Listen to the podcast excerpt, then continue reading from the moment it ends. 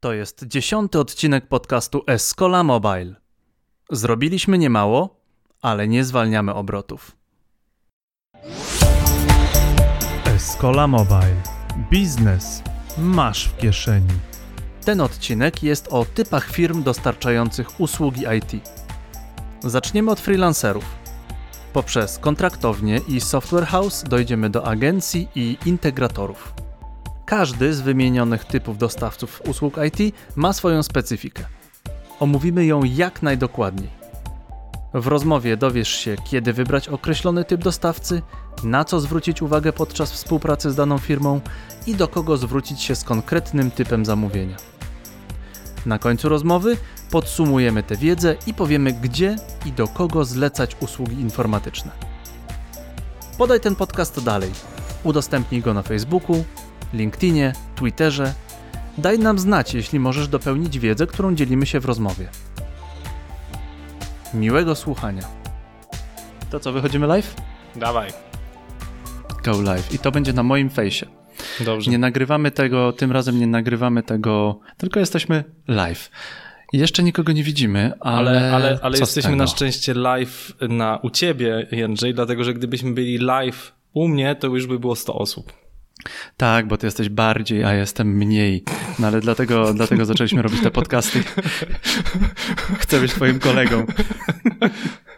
Dobrze, co nowego, wszystkim. co nowego w mobile, powiedz mi Jędrzeju.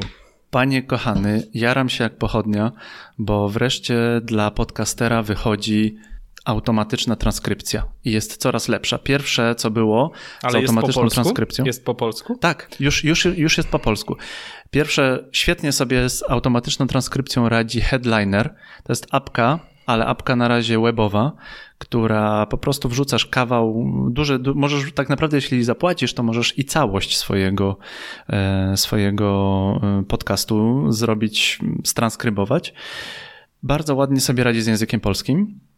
Więc będzie ułatwiać w tym momencie w jakiś sposób wyszukiwanie tego, wyszukiwanie tego podcastu po słowach kluczowych, ale jeszcze bardziej jaram się tym, że Anchor, choć bardzo, bardzo, bardzo e, taki dyskusyjny sposób prowadzenia biznesu, to Anchor w tym momencie bierzesz komórkę, włączasz Anchor i twój podcast możesz, konkretny fragment możesz już e, zrobić sobie z tego filmik, wrzucasz do mediów, redystrybucja kontentu.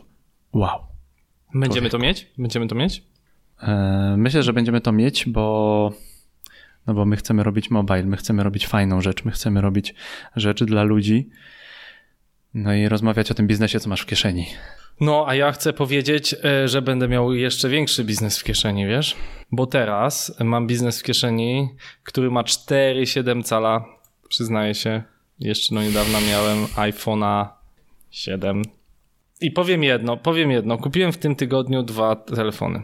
Kupiłem jeden telefon dla siebie, drugi telefon kupiłem dla mojego taty. Żeby miał Aha. nowszy, fajniejszy telefon.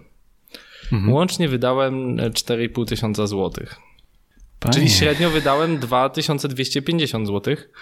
Mhm. Problem w tym, że w rzeczywistości wydałem 3800 zł na iPhone'a i 700 zł na bardzo fajny telefon androidowy. Mhm. Co najgorsze i co mnie załamało, bo najpierw kupiłem iPhone'a Mhm. i przypominam, tańszego iPhone'a kupiłem. Tańszego. Tego wersja bieda. I kupiłem No. fajnego Androida i porównałem specyfikacje tych telefonów i są takie same. Właśnie chciałem to, było zauważyć, straszne. bo mi się, mi się właśnie niedawno z Andro, Android zaktualizował. I wiesz co? Tak porównałem te możliwości, które ma mój telefon z twoim wypasionym iPhone'em. I twierdzę, że Poznań w tym wypadku wygrywa. Przynajmniej fizy- e, finansowo. No, także zobaczymy. Yy, zrobimy. mm, czas pokaże, no bo trzeba pamiętać, że Apple ma jednak ekosystem i, i jak ja będę chciał sprzedawać swój telefon z jakiegokolwiek powodu, to go sprzedam, nie tracąc dużo No wartości za Mhm. rok i- czy dwa. I to jest akurat fajna rzecz. To jak, nie wiem, kupujesz sobie Mercedesa i go po trzech latach sprzedajesz, to owszem, straciłeś dużo, ale nadal wszyscy chcą kupić twojego Mercedesa, a jak chcesz sprzedać Volkswagena Fantoma, który też kosztował tyle co Mercedes, to nikt nie chce Volkswagena Fantoma. No, bo to. Volkswagen. No. To jest w temacie jarania się gadżetami, ale dzisiaj mamy dużo poważniejszy temat. Bo Znowu my robimy biznesie. biznes, biznes w mobile. Dzisiaj będziemy mówić o tym, jak się robi biznes i z jakimi firmami się robi biznes i w jaki sposób się ten biznes robi. I jak dobrze też pukać do drzwi.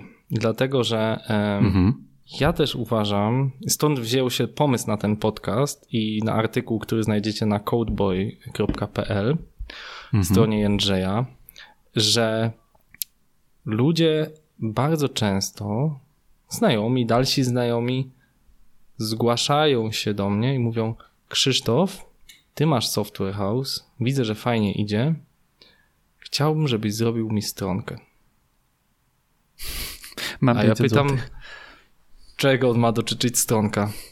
No, Krzysztof, bo ja mam taki e, tutaj apartament u linii. W związku z tym, e, no, tam można wynająć te domki i czy by się dało zrobić stronkę? No pewnie, żeby się dało, ale po pierwsze e, warto zacząć od dedykowanych stron, takich jak Booking, jeśli chcesz to wynająć, takich jak Airbnb, bo tam jest duży Prościej. ruch, jest SEO, zarabiasz dość szybko, nie musisz tego pozycjonować. Tak, jest to tańsze. A Giganci. co więcej, jak zostaniesz hostem, to jeszcze dostaniesz 100 dolarów na przykład. Jak jeszcze cię zaproszę, a ty potem pojedziesz, to ja jeszcze dostanę jakieś tam kilkanaście euro czy kilkanaście dolarów. Już kilka razy to użyłem. Siostra pojechała na Airbnb, koledzy pojechali na Airbnb. Nawet w Wilnie kiedyś sobie fajnie przenocowałem za chyba za 5 euro, bo, bo No. użyłem te nagrody. To swoją drogą temat na marketing znowu. No, także. mm, A z drugiej strony zdarza mi się tak, że dzwonią do mnie tacy koledzy z żyłką sprzedażową. Mówią, Krzysztof, ty masz taki software house, Escola, widzę, że dobrze idzie, są posty na LinkedInie, są, macie swoją nawet drużynę piłkarską, na pewno jest spoko. Y, Mamy tutaj taki kontrakt za 8 milionów. Trzeba zrobić taki mega rozbudowany R połączony z CRM-em, zintegrowany z SAP-em i całym systemem powiadomień. No i oczywiście trzeba na to rozpisać przetarg, który będziemy pisać przez dwa miesiące. Robimy. A ja od tego odcinam Aha. 10 albo 15%, bo dałem ci ten pomysł. No pięknie I- to brzmi. No, na pewno jeśli się uda, to jest to piękne. Raz przyznam, dałem się w coś takiego robić i no, dwa tygodnie wycenialiśmy jakiś skomplikowany bardzo system. No była tam część aplikacyjna, nie mówię, że nie, ale no, był to system, którego nie bylibyśmy w stanie zrobić obecnymi siłami Escoli, może za 3-4 lata. Czyli no natomiast dla tej osoby odcięcie 15% od 8 milionów za polecenie To może ja ci pomogę. udziału w przetargu. No, kto by nie chciał tak żyć, nie? Ach, człowieku. Może ja ci pomogę. Daj- Daj mi numer do tego kolegi. No. Ja dam radę. Mm, Start. Uporządkujmy to, co mamy, ale zacznijmy od po programistycznemu, od zera. Od najniższego takiego poziomu. nie, w ogóle najpierw wymieńmy, jakie są wedle wielkości, jakie są typy Mhm. dostawców usług informatycznych. Pierwszy, Freelancer. najmniejszy, freelancer. Mhm. Potem agencja, Mhm. software house, Mhm. Integrator Mhm. i może być też spółka produktowa. Jeżeli chodzi o agencje, software house'y są małe agencje, większe agencje, e, może być integrator zawsze jest największy, tak przynajmniej powinno być. Agencja software house różne mogą mieć wielkość, ale zazwyczaj agencje są w większości w Polsce butikowe, kilkuosobowe, kilkunastoosobowe. Mhm. Co to I- znaczy butikowa agencja? Butikowa, czyli powinna specjalizować się w jakimś konkretnym obszarze. E, na przykład e, Garden of Words specjalizuje się w marketingu dla kobiet. Rozumiem. E, na przykład Generations specjalizuje się w marketingu i produktach dla dzieci. Prowadzi Kinder Niespodziankę. E, kanał na YouTubie. Mają 200 milionów odsłon na YouTubie Kinder Niespodzianki. I w związku z tym, po, czyli jeszcze raz, freelancer, Numer mhm. jeden, czyli żeby było widać mnie, moje palce. Freelancer, agencja, software house, integrator i spółka produktowa. O tych pięciu będziemy dzisiaj mhm. rozmawiać. Zaczynamy od zera. Od freelancera. To ty od jesteś właściwie trochę, jesteś Jędrzej freelancerem podcastów, ja no bym tak. chciał powiedzieć. Mhm. Opowiedz na czym polega twój job, jakie masz koszty, y, jak działasz. Tutaj opowiedz. Zmniejszam są koszty. Słuchacze, są słuchacze. Zmniejszam koszty jak mogę bo no, nie zarabiam bardzo dużo na tych podcastach, zaczynam zarabiać, co mi się bardzo podoba, ale jednocześnie no, tnę koszty gdzie mogę. Wszystkie możliwe streamy używamy na razie, na razie bezpłatnie. Wszystkie możliwe cały możliwy czas, który używam, używam na produkcję podcastów, to staram się wycisnąć jak najwięcej efektywności z tego czasu. Odkładam, odkładam komórkę wtedy. Czy masz szefa, czy masz y, do zapłacenia Nie. za biuro, czy masz te wszystkie, y, jak to się ładnie po angielsku mówi, overheady, czyli koszty dodatkowe, nie tworzące produktu? Nie mam, ponieważ pracuję w domu. Ewentualnie gdzieś tam po godzinach z kąpem, no wtedy kosztem jest, nie wiem, kawa powiedzmy. Jak A chcę może sobie tak po hipstersku. Wtedy jest taniej, nie? Tak Albo wodę. Albo wodę. Wasze zdrowie. Czyli freelancer nie ma dużych kosztów, duże nie przełożenie ma. na jakość, ale y, mhm. jakie są problemy związane z freelancerem? Problemy są najczęściej takie, że muszę szukać swoich, no muszę szukać zleceniodawców. Nie ma dużej, nie pojawiają się, zlecenia nie spadają z nieba, może tak. Naprawdę? No nie spadają jeszcze.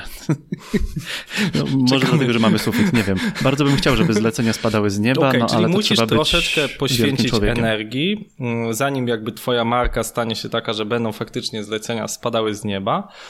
I mhm. czyli krótko mówiąc, twoją energię troszeczkę musisz kierunkować na marketing, na negocjowanie jakichś tam ustaleń, stawek, mhm, na mhm. występy, rozumiem, na konferencjach, gdzie nie zawsze płacą ci 8 tysięcy złotych za wystąpienie jak Grzesiakowi. Jeszcze. Ach. No dobrze, dobrze. E, I to jest jakby pewien problem. Ja bym dodał jeszcze jeden problem. Jakbym ja miał bardzo dużo zleceń do ciebie, no to mhm. nie wyrobisz się sam, bo nie masz jeszcze jakby no. całego kilku osób, które cię wspierają. E, nie masz dedykowanego tak, marketingu, tak, tak. nie masz wzorów umów, ponieważ jesteś finanserem, skąd masz mieć wzory umów. E, mhm. E, i nie masz tego, co ma taka profesjonalna firma, jest, natomiast jesteś wąsko wyspecjalizowany, więc da się ciebie odnaleźć. Natomiast no, też trzeba umieć, ponieważ no, nie masz jakby zasobów na to, żeby odpalić jakąś dużą, e, dużą promocję tak, w internecie. Nie kupujesz ad. Musiałbym w jakiś sposób, nie wiem, musiałaby jakaś korporacja na przykład do mnie uderzyć i powiedzieć, masz tutaj, nie wiem, naście tysięcy złotych, robimy podcasty, każdy podcast jest po, powiedzmy, nie wiem, pięć tysięcy złotych, to wtedy, wtedy za, zaczynam zarabiać, wtedy mam... Zlecasz no może? Wiem, powiedz, dużą marżę mam i wtedy, wtedy mogę zlecić, ale jeśli ty współpracujesz z freelancerem, to, to problemem dla ciebie z kolei jest, nawet jeżeli freelancer jest świetny, to problemem będzie to, że freelancer może sobie wziąć jeszcze jakiegoś podwykonawcę. I nie wiem, czy ty w tym wypadku chcesz, żeby freelancer miał podwykonawcę. Pytanie, czy freelancer, który bierze podwykonawcę, nie, stanie się, nie staje się wtedy mini agencją, ale zazwyczaj mm -hmm. to jest droga, która nas prowadzi właśnie do następnego tematu, czyli od freelancera do agencji, od freelancera do software house'u. Ale do tego mm -hmm. zaraz dojdziemy. Czyli podsumujmy, mm -hmm. freelancer to ktoś, kto pracuje sam, nie ma w związku z tym dodatkowych kosztów, e, jest w jakiejś swojej wąskiej działce wyspecjalizowany i jeżeli chcemy zrobić, taka jest e, moja rada, jeżeli chcemy zrobić coś relatywnie prostego, stronę internetową, zlecić jakąś grafikę, zlecić jakąś malutką kampanię, mhm. Marketingu internetowego. Na pewno freelancer będzie po prostu najtańszy. Problemem będzie to, no tak. że go nie wyskalujemy, bo jeśli będzie miał akurat bardzo dużo zleceń, czy mamy więcej roboty, no to freelancer się nie rozdwoi albo będzie siedział bardzo dużo po godzinach, będzie zmęczony, nie będzie już tak efektywny. Także małe zlecenia uważam, że freelancer jest naprawdę najlepszą opcją. Właśnie ta strona przysłowiowa na WordPressie za 500 zł, za 1000 zł, to jest coś, co freelancer zrobi dobrze, zrobi w 3 dni, bardzo się ucieszy z tego, z tych 500 zł czy 1000 zł za kilka, kilkanaście godzin swojej pracy, jest wyspecjalizowany w tym, co robi i obie strony mają szansę być zadowolone pod warunkiem, że traficie na dobrego freelancera. To, czego no radzę, tak. tak. to, czego radzę uważać, to e, niesprawdzonych freelancerów, ale także osób, które freelancerów udają i z tym niestety też się spotykam w Polsce, czyli... Powiedz, powiedz coś więcej. Tak, tak, robię, y, mam parę takich sprytnych kolegów, którzy dobrze sprzedają, pytasz, o, czy robicie stronki? Tak, tak, robię stronki i on właśnie to komuś podzleca. I on nie jest freelancerem, Aha. on jest tylko pośrednikiem w kilku obszarach. E, no i wtedy no to jest po prostu mini agencja, jeżeli on bierze na to swój duży narzut, to się po prostu nie opłaca. Ale stron mhm. z freelancerami trochę jest. Od takich najprostszych OLX, Gumtree można poszukać osób, które nam zrobią jakąś prostą stronkę, proste e, jakieś grafiki. E, do, dla grafików jest choćby Behance, gdzie można zobaczyć portfolio grafików i bezpośrednio się z nimi skontaktować i po prostu nie przepłacać. E, to ja teraz zrobię trochę swojej reklamy.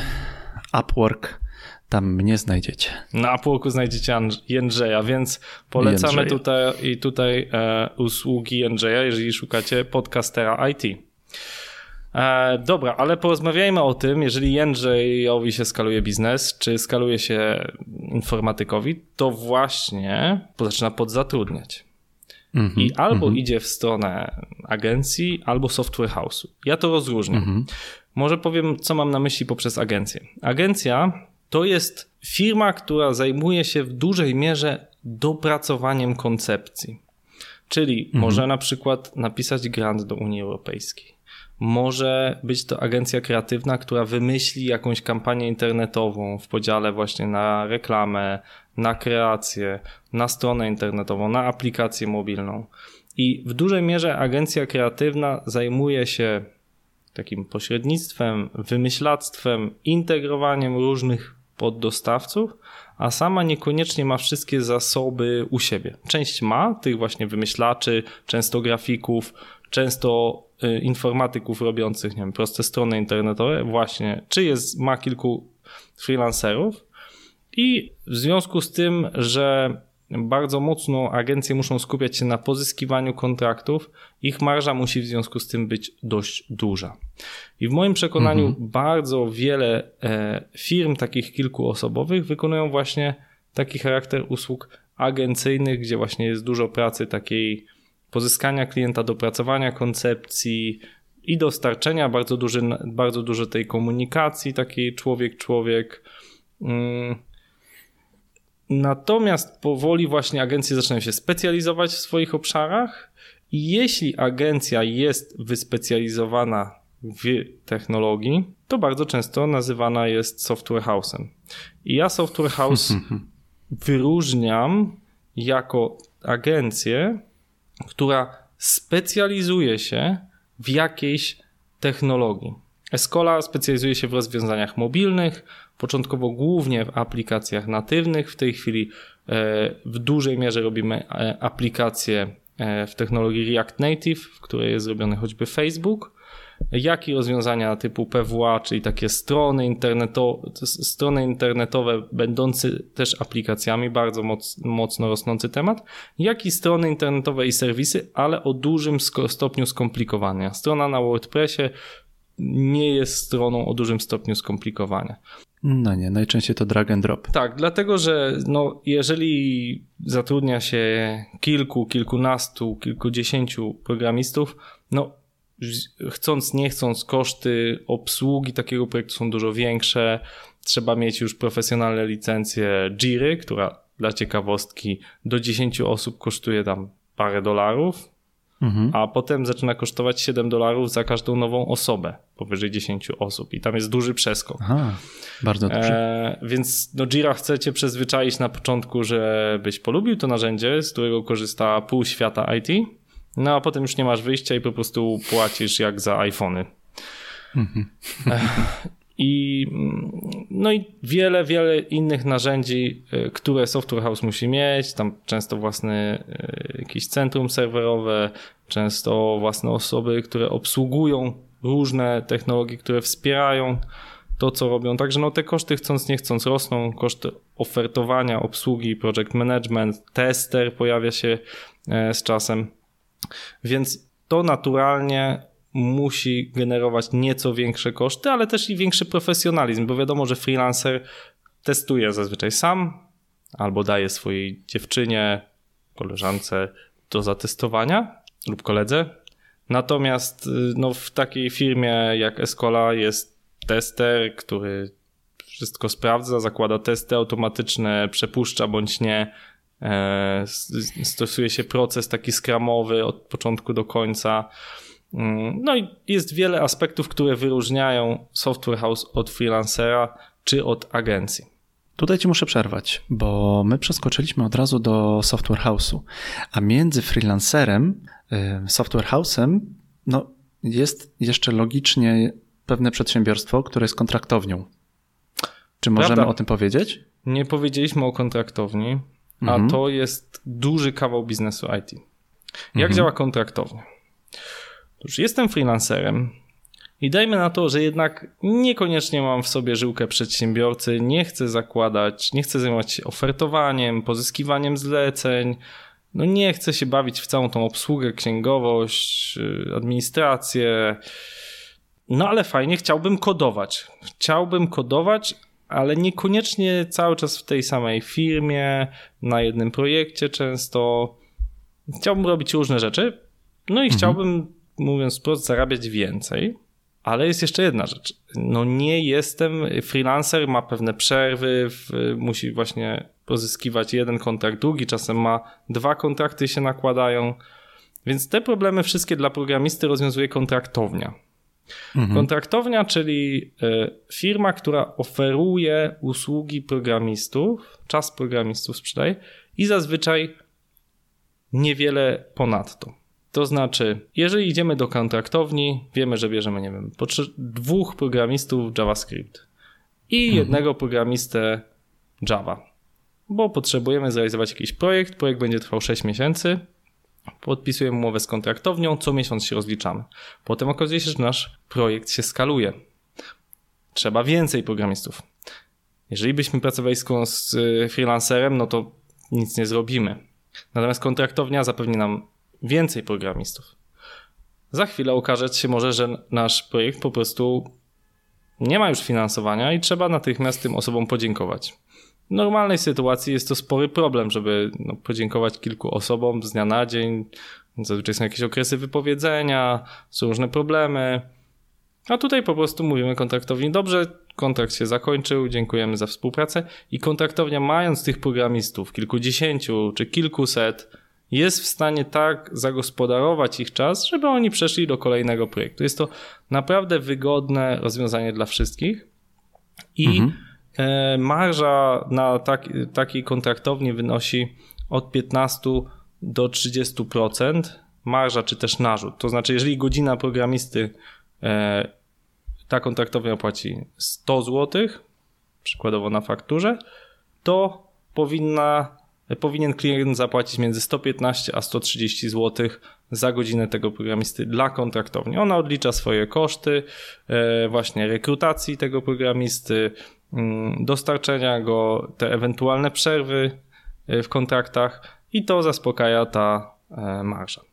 Czy można kontraktownie po prostu nazwać pośrednikiem między freelancerem a firmami? Moim zdaniem nie, bo, bo kontraktownia robi coś więcej, jednak zapewnia mhm. pewną ciągłość. Oczywiście e, złośliwie można by powiedzieć, że kontraktownie IT, choćby takie jak e, JLabs, to jest taki work service e, tylko z programistami.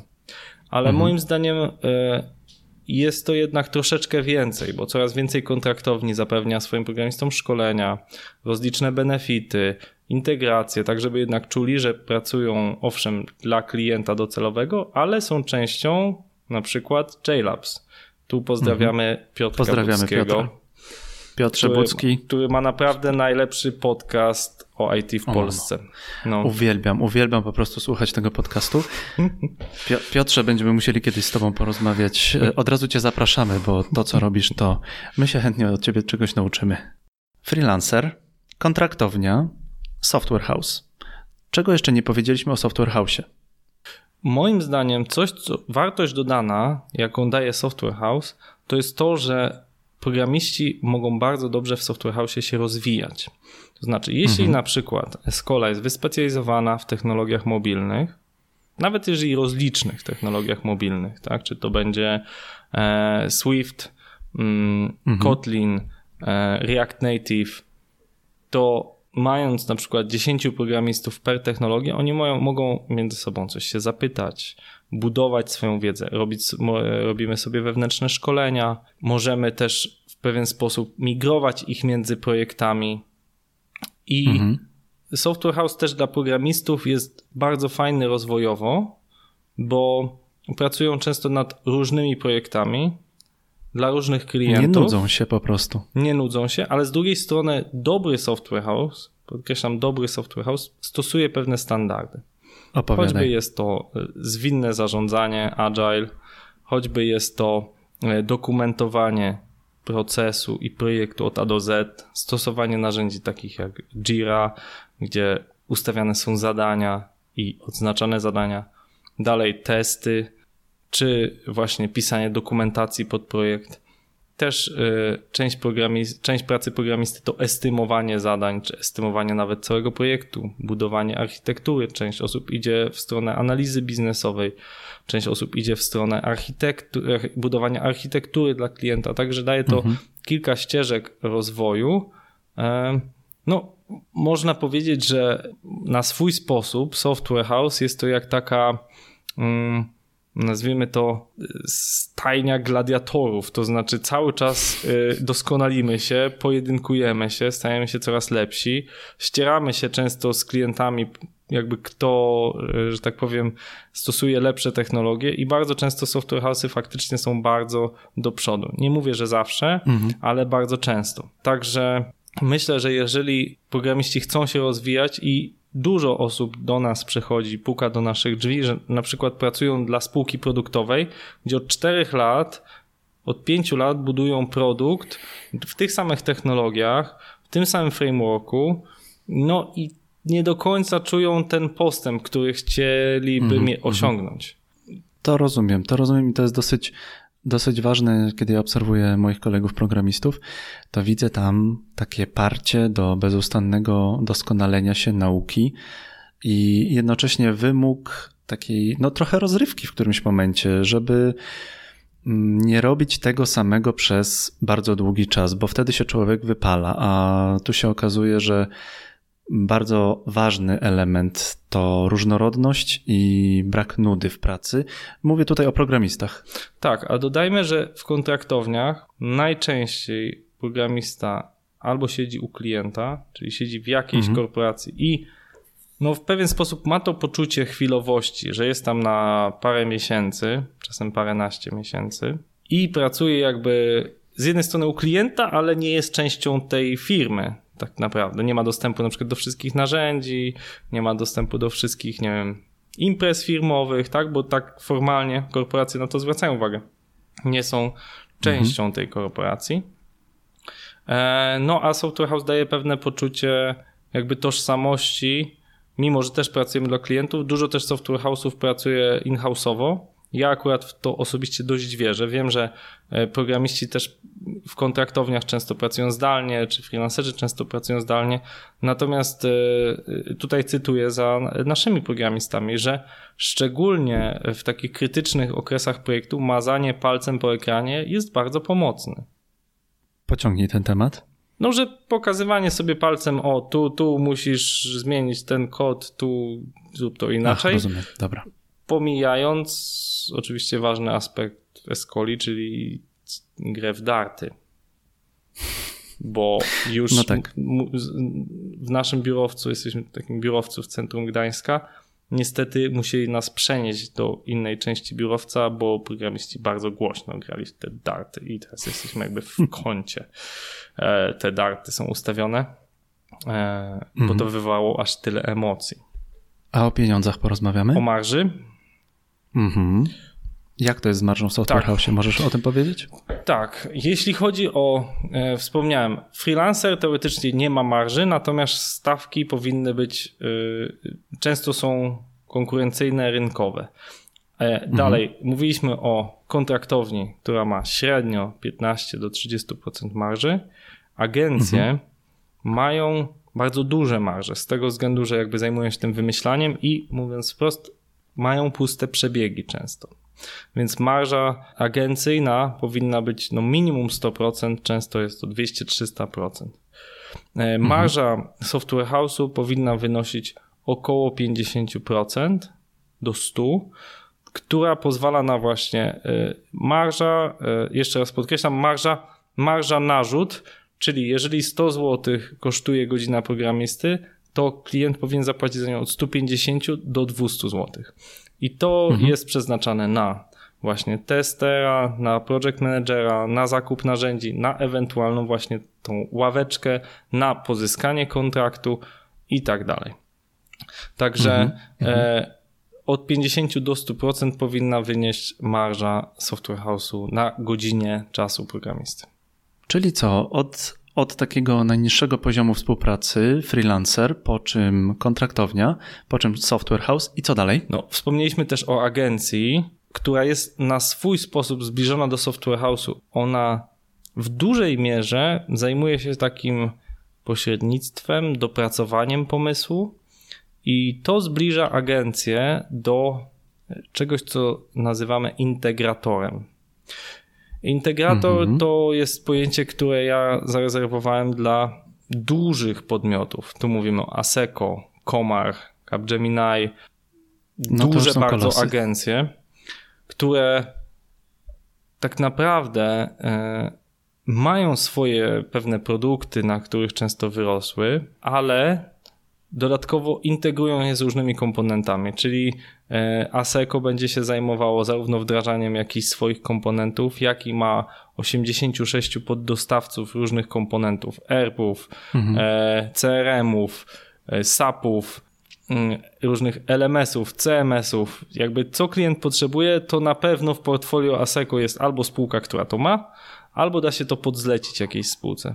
I to jest mhm. fajne rozwiązanie, ponieważ jeśli mamy naprawdę duży projekt, a ASECO raczej nie robi stronek na WordPressie, ani nawet tych serwisów, które na przykład mogłaby zrobić Escola, bo a nawet nie starczyłoby na paliwo na przykład dla tego pana e, Filipiaka, profesora, on tam ma tego chyba Rolls Royce'a, tak?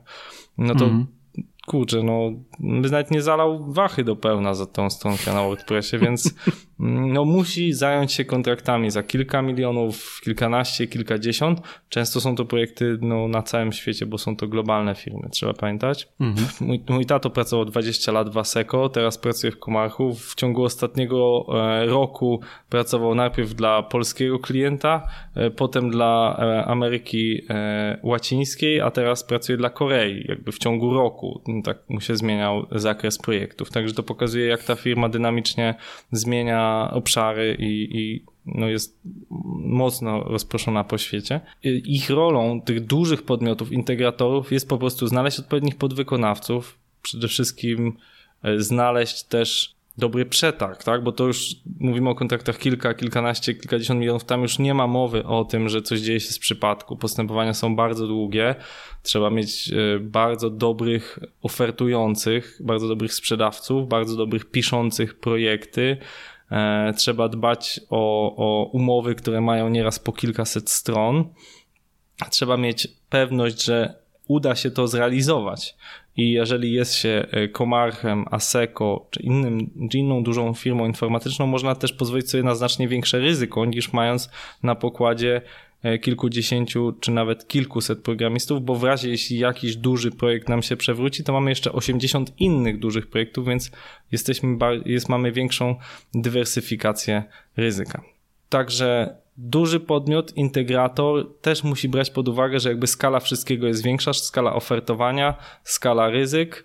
W związku z tym e, też i marże muszą być duże. Trzeba pamiętać, że mhm. jeżeli ASECO realizuje projekt za e, wiem, 10 milionów złotych, to faktyczne koszty programistyczne mogą wynieść milion, dwa, a dużo innych kosztów to, to są rzeczy, o których nawet przeciętny software house nie myśli, czyli nie tylko pierwsza linia wsparcia, ale i druga linia wsparcia, trzecia linia wsparcia, pierwsza linia testów, druga linia testów, e, ogromne mm, nakłady na zintegrowanie tych wszystkich systemów i komponentów, testy obciążeniowe, wielopoziomowe i tak dalej, i tak dalej, white hacking, także no to jest coś, co kupujemy, co oni faktycznie integrują od różnych poddostawców bądź swoich jakichś departamentów, no i narzut na, na taki projekt informatyczny jest znacznie, znacznie większy. Integrator. Co jeszcze możemy powiedzieć? Co jeszcze musimy dodać? Ja bym powiedział, że jeśli zamawiasz projekt informatyczny, to mhm. Pomyśl, do kogo zwrócić się. Jest taka grupa na Facebooku rozmowy o startupach, chyba ponad 50 tysięcy osób na niej jest w tym momencie. No i tam często pojawia się pytanie, kto mi zrobi stronkę albo kto najlepiej robi CRM. No i tam zgłasza się zazwyczaj 200 firm. Nie wiem, czy można tam znaleźć jakiś, zrobić jakiś faktyczny interes. E, nie wiem, mi się nigdy nie udało, ale też niespecjalnie mhm. próbowałem. Wydaje mi się, że jeżeli szukamy właśnie jakiejś prostej pracy, wrzucenie hasła na Facebooka, na LinkedIna, kto mi to zrobi i faktycznie oparcie się na zaufaniu, nie jest złym pomysłem. Jeśli chcemy zrobić coś specjalistycznego, e, ostatnio miałem okazję współpracować z firmą e, Adamed, ona się specjalizuje w e, Aha. rynku medycznym oni faktycznie szukali dostawców aplikacji, którzy są wyspecjalizowani w rynku medycznym i to jest dobre mhm. rozwiązanie, że mhm. wiedzieli, kto posiada pewne bazy, zrobili rozeznanie rynku, nie poszli po prostu do byle jakiego software house, tylko szukali software house'ów, które mają doświadczenia w rynku medycznym. Więc mhm. E, no wraz ze skalą warto szukać specjalistów, tak? Moim zdaniem, jeśli nie masz pomysłu, co chcesz zrobić, a to też bardzo często się zdarza i e, niestety sporo osób takich do mnie trafia, czyli na przykład, no Krzysztof, załatwmy jakiś grant na coś, ale na mhm. co? Jaki grant? Mm, no jeszcze nie wiem, ale no. załatwmy, bo jest dużo Aha. kasy z Unii. To jest Rozumiem. świetny pomysł, żeby pójść do jakiejś agencji interaktywnej, do agencji, która pozyskuje granty. Oni zawsze mają dużo ciekawych pomysłów, znają jak się wpisać w kryteria. Także jeżeli nie masz pomysłu, albo po prostu chcesz w jakiś sposób magiczny wyciągnąć kasę, albo z kolei masz za dużo kasy, bo na przykład pracujesz w korporacji i szukasz pomysłu na jakąś ciekawą kampanię digitalową, szukasz pomysłu na ciekawą aplikację, a masz duży budżet, to agencja bardzo często przyjdzie z pomocą, weźmie przykładowo 300 tysięcy za realizację aplikacji, podzleci ją software house'owi za połowę tej kwoty, ale jeśli jesteś korporacją, no to kurczę 300 tysięcy, 150 tysięcy. Co to za różnica? To są... no. no właśnie. E, więc bardzo często dlatego duże korporacje są mm, no, po prostu obleczone tymi, tymi agencjami, które wymyślają, dają pomysły, śledzą rynek, ponieważ to trzeba też oddać agencjom, że bardzo często e, są to osoby, które bardzo śledzą nowinki, które ten czas na ławeczce spędzają na śledzenie e, różnych trendów internetowych i, i są w stanie poddawać fajne pomysły dla, dla korporacji. Także ten ekosystem Dobra. całkiem nieźle działa. E, I nie powiedzieliśmy jeszcze o jednym, o spółce mhm. produktowej. To znaczy, jak sobie tak rozmawiamy o tych rozmowach o startupach, tam często się pojawia taki pomysł, mam E, e, pojawia się taki temat, mam pomysł na aplikację. Na przykład aplikację randkową dla osób LGBT albo dla osób, mhm. które czegoś nienawidzą. Że to będzie super pomysł. Wtedy zalecam, że owszem, pójść do agencji, zapytaj, czy, czy jakby jest faktycznie szansa pozyskać na to finansowanie, niech zweryfikują pomysł, ale e, bardzo często możesz to zrobić sam, to znaczy zrobić research, czy nie ma jakiejś spółki produktowej, która już to robi. Nie znaczy to, że jeżeli ktoś to robi, to nie można tego robić lepiej. Tu zawsze mhm. daję przykład takiej aplikacji, którą e, część osób zna, a część osób zna, ale się nie przyznaje, czyli Tinder. Tinder to aplikacja, aplikacja do randkowania. Mhm. I ona ma taką wadę, że nie wszystkie dziewczyny lubią to, że są zagadywane dość agresywnie w ich opinii przez mężczyzn.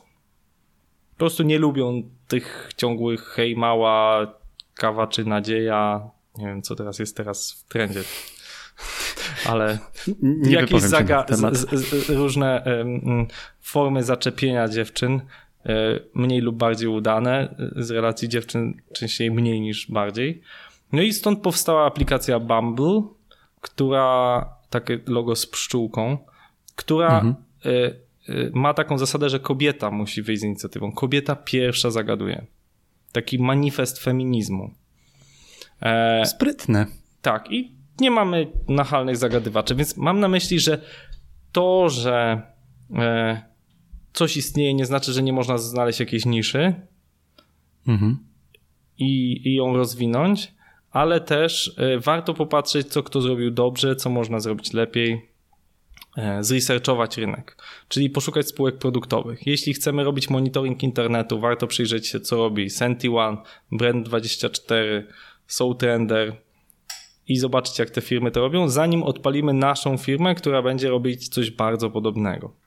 E, A bardzo często, jeśli chcemy zrobić swój produkt, przykładowo swój CRM, swój CMS, warto przyjrzeć się, czy nie ma już gotowego rozwiązania, które możemy wykorzystać. No Bo często zdarza e, mi się też jako software house'owi otrzymywać zapytania na zrobienie LMS-a. E, To jest e, system do zarządzania nauką. Albo CMS-a, czyli systemu do zarządzania contentem. Tych systemów powstała masa. I jeżeli twoje wymagania nie są jakieś unikatowe, mamy teraz bardzo popularny model e, SaaS, Software as a Service, gdzie co miesiąc płacimy za jakąś usługę czy raz na rok i możemy to wynająć zamiast to budować. To prawie zawsze będzie tańsze wynajęcie czegoś, ponieważ w informatyce, w przeciwieństwie do e, motoryzacji, jest tak, że jeżeli ktoś sprzedaje 800 systemów, to wytworzył ten system raz. To nie jest tak, że jak ktoś wytworzył 800 samochodów, Ach, to rozumiem. wytworzył jakby 800 samochodów. Owszem, jednego modelu, więc ten koszt wytworzenia jest ciut tańszy, ale nadal musi zużyć blachy i wszystkich komponentów na 800 samochodów. W przypadku informatyki ten, tak to się w ekonomii nazywa koszt krańcowy, czy też koszt marginalny jest minimalny. On stanowi tam ułameczek e, tego, ile zużywa serwer na to, żeby grzać ten system, czyli naprawdę, wierzcie mi, to jest ułamek.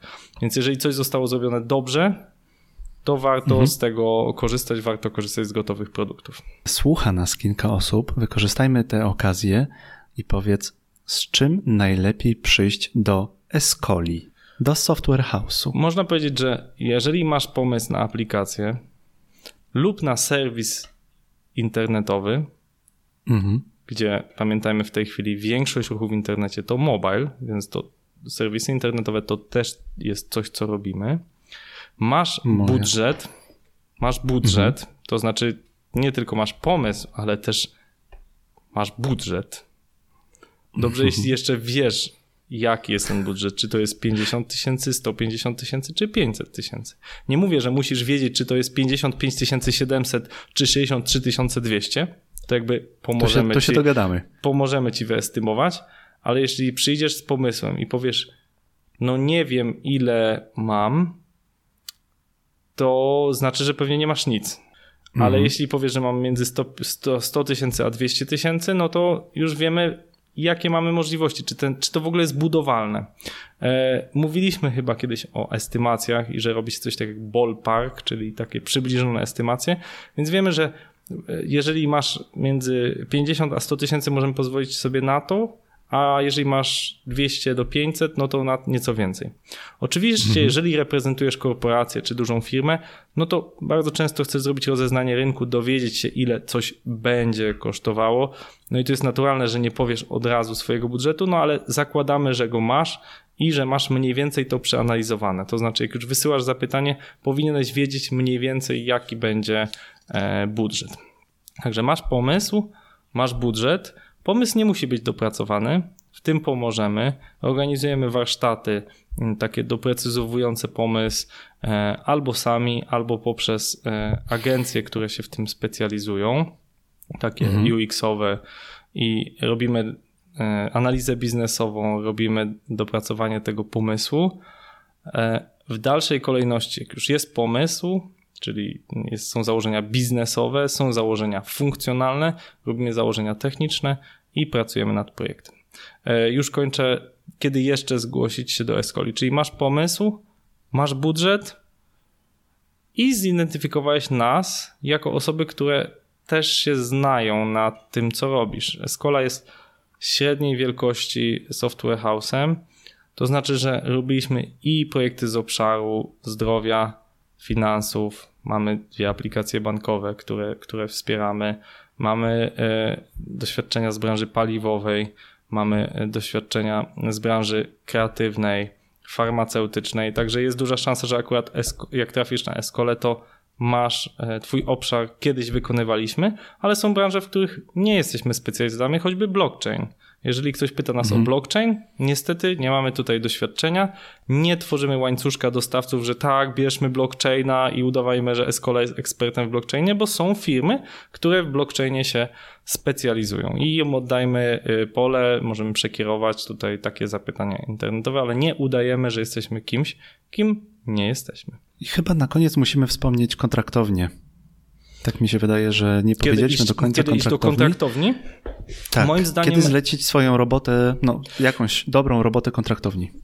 E, robotę kontraktowni możemy zlecić wtedy i tylko wtedy, jeśli będziemy umieli nadzorować e, tym zespołem.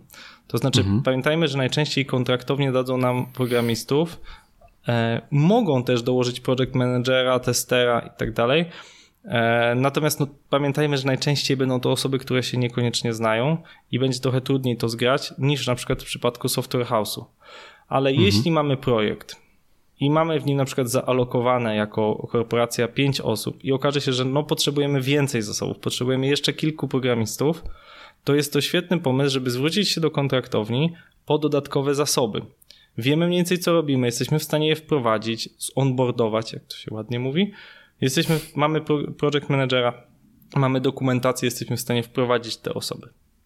Zdarza mhm. się też, że firmy wynajmują kontraktownie, ponieważ wiedzą, że na przykład projekt będzie trwał 6 miesięcy, chcą coś szybko wytworzyć i e, są w stanie zapanować nad tymi programistami, więc e, dokładają tutaj e, zasobów.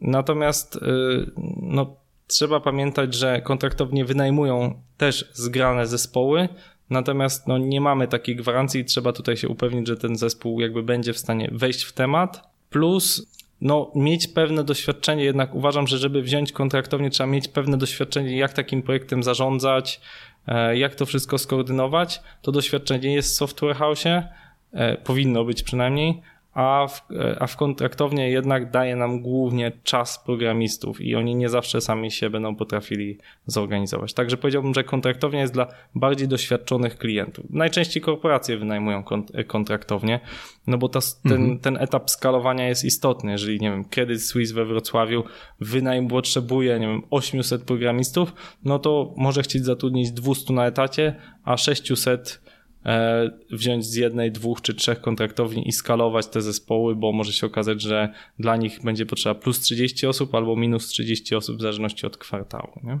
Mm -hmm.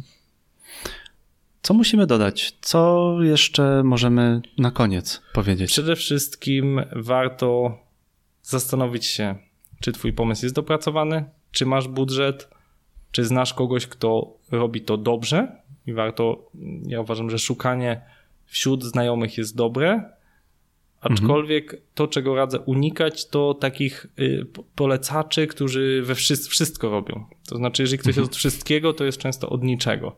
I e, zdarzało mi się spotykać osoby, które się znają na wielu, wielu obszarach, ale kiedy z nimi głębiej rozmawiałem, okazywało się, że no jest to wiedza dość pobieżna. Ach. No. No i wtedy się traci pieniądze i czas, zarówno klienta, jak i, jak i wykonawcy. Ja uważam, że zaufanie e, jest e, walutą XXI wieku. O tym chyba pisał też bardzo fajny podcaster Michał Szafrański. Szafrański. Tak. Też e, powiedzmy, Michał Szafrański jest fajny, bo nas będzie to indeksować zaraz Google i Michał Szafrański tak. jest fajnym człowiekiem. Oj, jakim jest podcasterem. Michale, mhm. czytałem twoją książkę teraz na wakacjach, jak byłem na Sycylii. Powiem ci, że zrobiłeś dużo rzeczy i jedną z tych rzeczy jest właśnie to, że rozmawiamy z Krzyśkiem, nagrywamy ten podcast. Polecamy książkę Michała e, zauf, e, Zaufanie jako waluta? Zaufanie, czyli waluta przyszłości. Czyli waluta przyszłości. Polecamy bardzo. Nawet w Biedronce była kiedyś dostępna, więc słuchajcie, to jest dobra literatura. No, dla Polaków. Dla Polaków? Dla, wszy dla wszystkich Polaków, bo Jędrzej każdy kupuje robi Biedronce. placement Biedronki. Zobacz, jeżeli oglądacie na jego Facebooku, to pewnie widzieliście jakieś jego zdjęcia. E, e, po prostu wejdźcie na profil Jędrzeja, to jest... zrobi wam dzień. Bardzo wam dziękujemy. Prosimy Was o pomoc. Udostępnijcie ten e, podcast, tę rozmowę. Powiedzcie o tej rozmowie Waszym znajomym. Napiszcie do Krzyśka, napiszcie do mnie, Krzysztof Wojewodzic, Jędrzej Paulus, co na przykład pominęliśmy, co moglibyśmy dodać, albo jeśli się nie zgadzacie, to powiedzcie dlaczego, albo gdzie się mylimy. Całość tego, tej naszej rozmowy, taki, taki, taki wyciąg z tej rozmowy znajdziecie też na stronie, na, mojej, na moim blogu codeboy.pl. Tam Krzysiek pisze Krzysiek już dwa artykuły opublikował. Jeden artykuł właśnie o tym, o czym opowiadamy, drugi artykuł. O, tak, Krzyśku? Powiedzmy sobie szczerze, Jędrzej, to są najlepiej czytające się artykuły na Twoim blogu, Jędrzej. Tak. Sorry. Starałem się jak mogłem, ale przyszedł Krzysiek i cały mój misterny plan. Wiadomo o co chodzi. Udostępnijcie, lajkujcie, czytajcie, komentujcie, powiedzcie o tym swoim znajomym. Jesteśmy już na iTunes, jesteśmy na na Spotify'u, więc e, Jesteśmy serduszka. Wszędzie. E, pięć gwiazdek. Będziemy po prostu niezwykle wdzięczni, bo zależy nam na dotarciu do jak najszerszej ilości osób, aby wszyscy, mówić o biznesie. Aby wszyscy mieli biznes w kieszeni. Biznes w kieszeni, komórka, biznes w kieszeni. Jak masz dobrą apkę, a zrobimy tę dobrą apkę kiedyś, to będzie biznes. I to będzie biznes na 102. Dziękujemy Wam bardzo. Do usłyszenia. To był Krzysztof Wojewodzic, CEO Escola Mobile i Jędrzej Paulus, podcaster IT.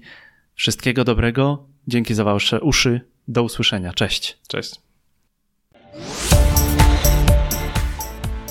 Escola Mobile. Biznes masz w kieszeni. Dziękujemy za Twój czas. Podobał Ci się odcinek? Daj nam znać. Udostępnij go w social mediach, podaj link dalej, opowiedz o podcaście swoim znajomym przedsiębiorcom. Jeśli używasz Spotify, możesz dodać nasz podcast do swojej playlisty, aby nie przegapić nowych odcinków. Użytkownicy systemu Apple, prośba do Was. Recenzja, subskrypcja i 5 gwiazdek to nie zajmuje dużo czasu, a jest dla nas bardzo pomocne. Im więcej recenzji i gwiazdek, tym wyżej znajdujemy się na liście i to właśnie dzięki Wam możemy dotrzeć do nowych osób zainteresowanych biznesem mobile. Dziękujemy za Twój czas. Do usłyszenia w następnym odcinku podcastu Escola Mobile.